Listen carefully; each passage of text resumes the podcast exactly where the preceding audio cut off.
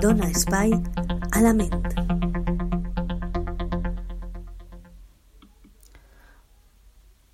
Hola a tots i totes, benvinguts una setmana més a Dona Espai a la Ment.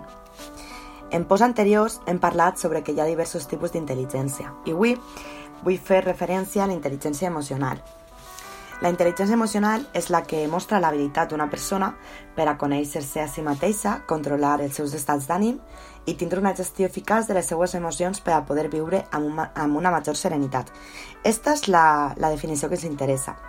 Avui parlarem sobre la gestió emocional. El concepte de gestió emocional mostra l'habilitat d'aquelles persones que són propietàries de les seues emocions i no esclaves. És a dir, que no viuen condicionades pels seus impulsos de cada moment, sinó que a través del propi coneixement d'ells mateixa es comprenen millor. La gestió emocional no és innata, sinó que s'aprèn al llarg de la vida. Es tracta d'un aprenentatge que inclou habilitats tan importants com comprendre, controlar i modificar sentiments i emocions pròpies, però també ens permet comprendre millor com se sent altra persona. Una correcta gestió de les emocions ens aporta qualitat de vida, perquè això implica que una persona és capaç de regular la ira que sent en un enoig o la tristesa que sent eh, durant una pèrdua. A més, altra situació possible és la de no recrear-se en el seu propi dolor. Avui veurem les tècniques de gestió emocional. Aquestes tècniques ens, es faciliten mecanismes adequats per a canalitzar la tensió quotidiana, les pressions i l'estrès que minva per complet el nostre potencial, així com la calma i la creativitat. No oblidem que, encara que les emocions siguin part de la nostra vida, saber regular-les és clau per a donar forma a una realitat més satisfactòria i creixent d'oportunitats. James Gross, director del Laboratori de Psicofisiologia de la Universitat de Stanford, ens explica que saber aplicar en el dia a dia adequades tècniques de gestió emocional és clau per a prevendre malalties com ara la depressió o el trastorn límit de personalitat. En aquest sentit, controlar el capdell dels nostres pensaments i emocions negatives és sinònim de benestar i salut. Tècniques de gestió emocional hi ha moltes.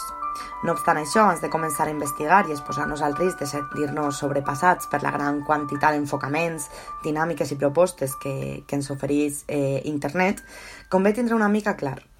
La gestió emocional és un aprenentatge personal. Per aquest motiu hem de fer-nos eh, amb la nostra caixa de, de ferramentes personalitzada. És a dir, no les tècniques que em serveixen a mi o al meu veí van a servir-te a tu. L'ideal, eh, o el més recomanable, és fer ús d'un enfocament multidimensional, aquell en el que tant el cognitiu com el fisiològic, el conductual i l'emocional harmonitzen en un mateix propòsit, que és el d'oferir-nos benestar, calma i millors enfocaments mentals. A continuació anem a veure set tècniques que han demostrat ser eficaces. Situacions que evitar, situacions que afrontar. Bé, queda clar que no sempre podem controlar tot allò que, que passa en el nostre dia a dia. No obstant això, hi ha situacions que sí que estan sota el nostre control i que podríem evitar per a guanyar en benestar i integritat personal, però hi ha vegades en què és necessari encarar les nostres pors per. En segon lloc, dirigis la teva atenció a un altre lloc, quan tenim pensaments automàtics negatius, l'únic que s'aconsegueixen és posar més en, en tensió, alimentar la por, incrementar la nostra baixa autoestima i fer-nos perdre el control de la nostra realitat. Hem d'aprendre a desplaçar la nostra mirada de l'entorn immediat i la seva complexitat per a dirigir-la cap al nostre interior. Una vegada estiguem aquí un temps per a atendre'ns, cuidar-nos i escoltar-nos, tot tornarà a tindre el seu equilibri. Aquesta és una altra de les tècniques de gestió emocional que hem d'aprendre a aplicar en el dia a dia. En tercer lloc, millora el teu autocontrol situant la teua mirada en el futur immediat. Moltes vegades hem escoltat la proposta de focalitzar la nostra atenció en el així i en l'ara, en el present. Bé, és una tècnica que s'usa mogolló, que a mi sempre m'ha vingut molt bé, però en aquesta ocasió et proposem una cosa diferent. Et proposem que penses en el teu futur immediat, pensa en demà, en la setmana que ve, en lloc d'avui. A més, fes ús de la reafirmació. Recorda les teues virtuts, els teus èxits del passat per a situar en este futur immediat totes les teues esperances. En quart lloc, la nota mental, que és que les preocupacions queden relegades a un sol moment del dia. Pensaments venen, els pensaments venen quan ells volen i no quan nosaltres desitgem. Doncs el mateix ocorre en les, en les preocupacions. Són com corps que se situen en les línies elèctriques de les nostres pors i ansietats per intensificar-les, per apagar el nostre optimisme i potencial i deixar-nos a fosques. No hi que permetre-ho. Cada vegada que una preocupació eh, aparega, eh, en, la, en la nostra ment, el que hem de fer és posposar-la, deixar-la per a més tard. Opta per establir un moment del dia, quan estiguem ben calma i relaxats, eh, una hora on tingues paper i, i full i pugues reflexionar i donar una solució a aquests problemes. Altra tècnica és la pregunta amb resposta. Què és el pitjor que pot ocórrer?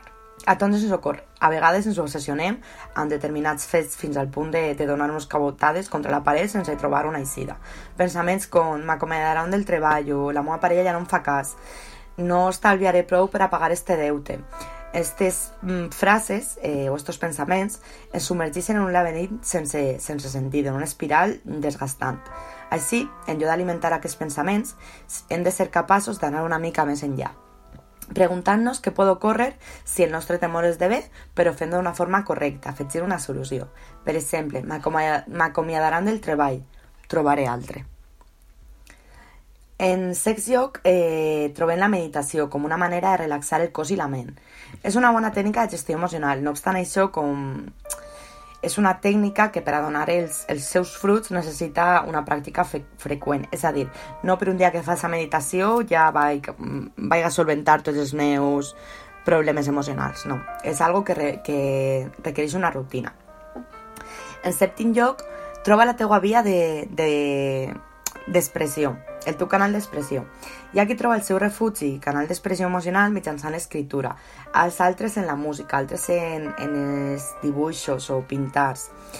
Eh, hi ha qui s'ha correr, qui necessita abraçar eh, una persona que l'abrace, el silenci. Les millors tècniques de, de gestió emocional a vegades no venen en els llibres. És el que passa moltes vegades, que esperem trobar una, una solució a cada problema que ens passa a vegades aquestes solucions les trobem pel nostre compte, eh, indagant en, en, dintre de nosaltres mateixa. I ho fem en el moment que menys pensem i quan estem fent una activitat que, que pensem que no és important, però que s'està permetent harmonitzar en el món i a nosaltres mateixos. És un espai on ens retroben per a descobrir l'arrel dels nostres problemes. Són palaus de pau i satisfacció, on la nostra valentia troba aliment. El que vull dir-vos en este post és que la gestió emocional es pot treballar de, de diferents tècniques. Jo vos he posat algunes de les més conegudes i que, i que són més eficients, però el que, el que vull dir-vos és que cadascú ha de trobar la tècnica més adequada per a, per a ell o ella. Espero que us hagi resultat interessant aquest nou tema i es veiem la propera setmana.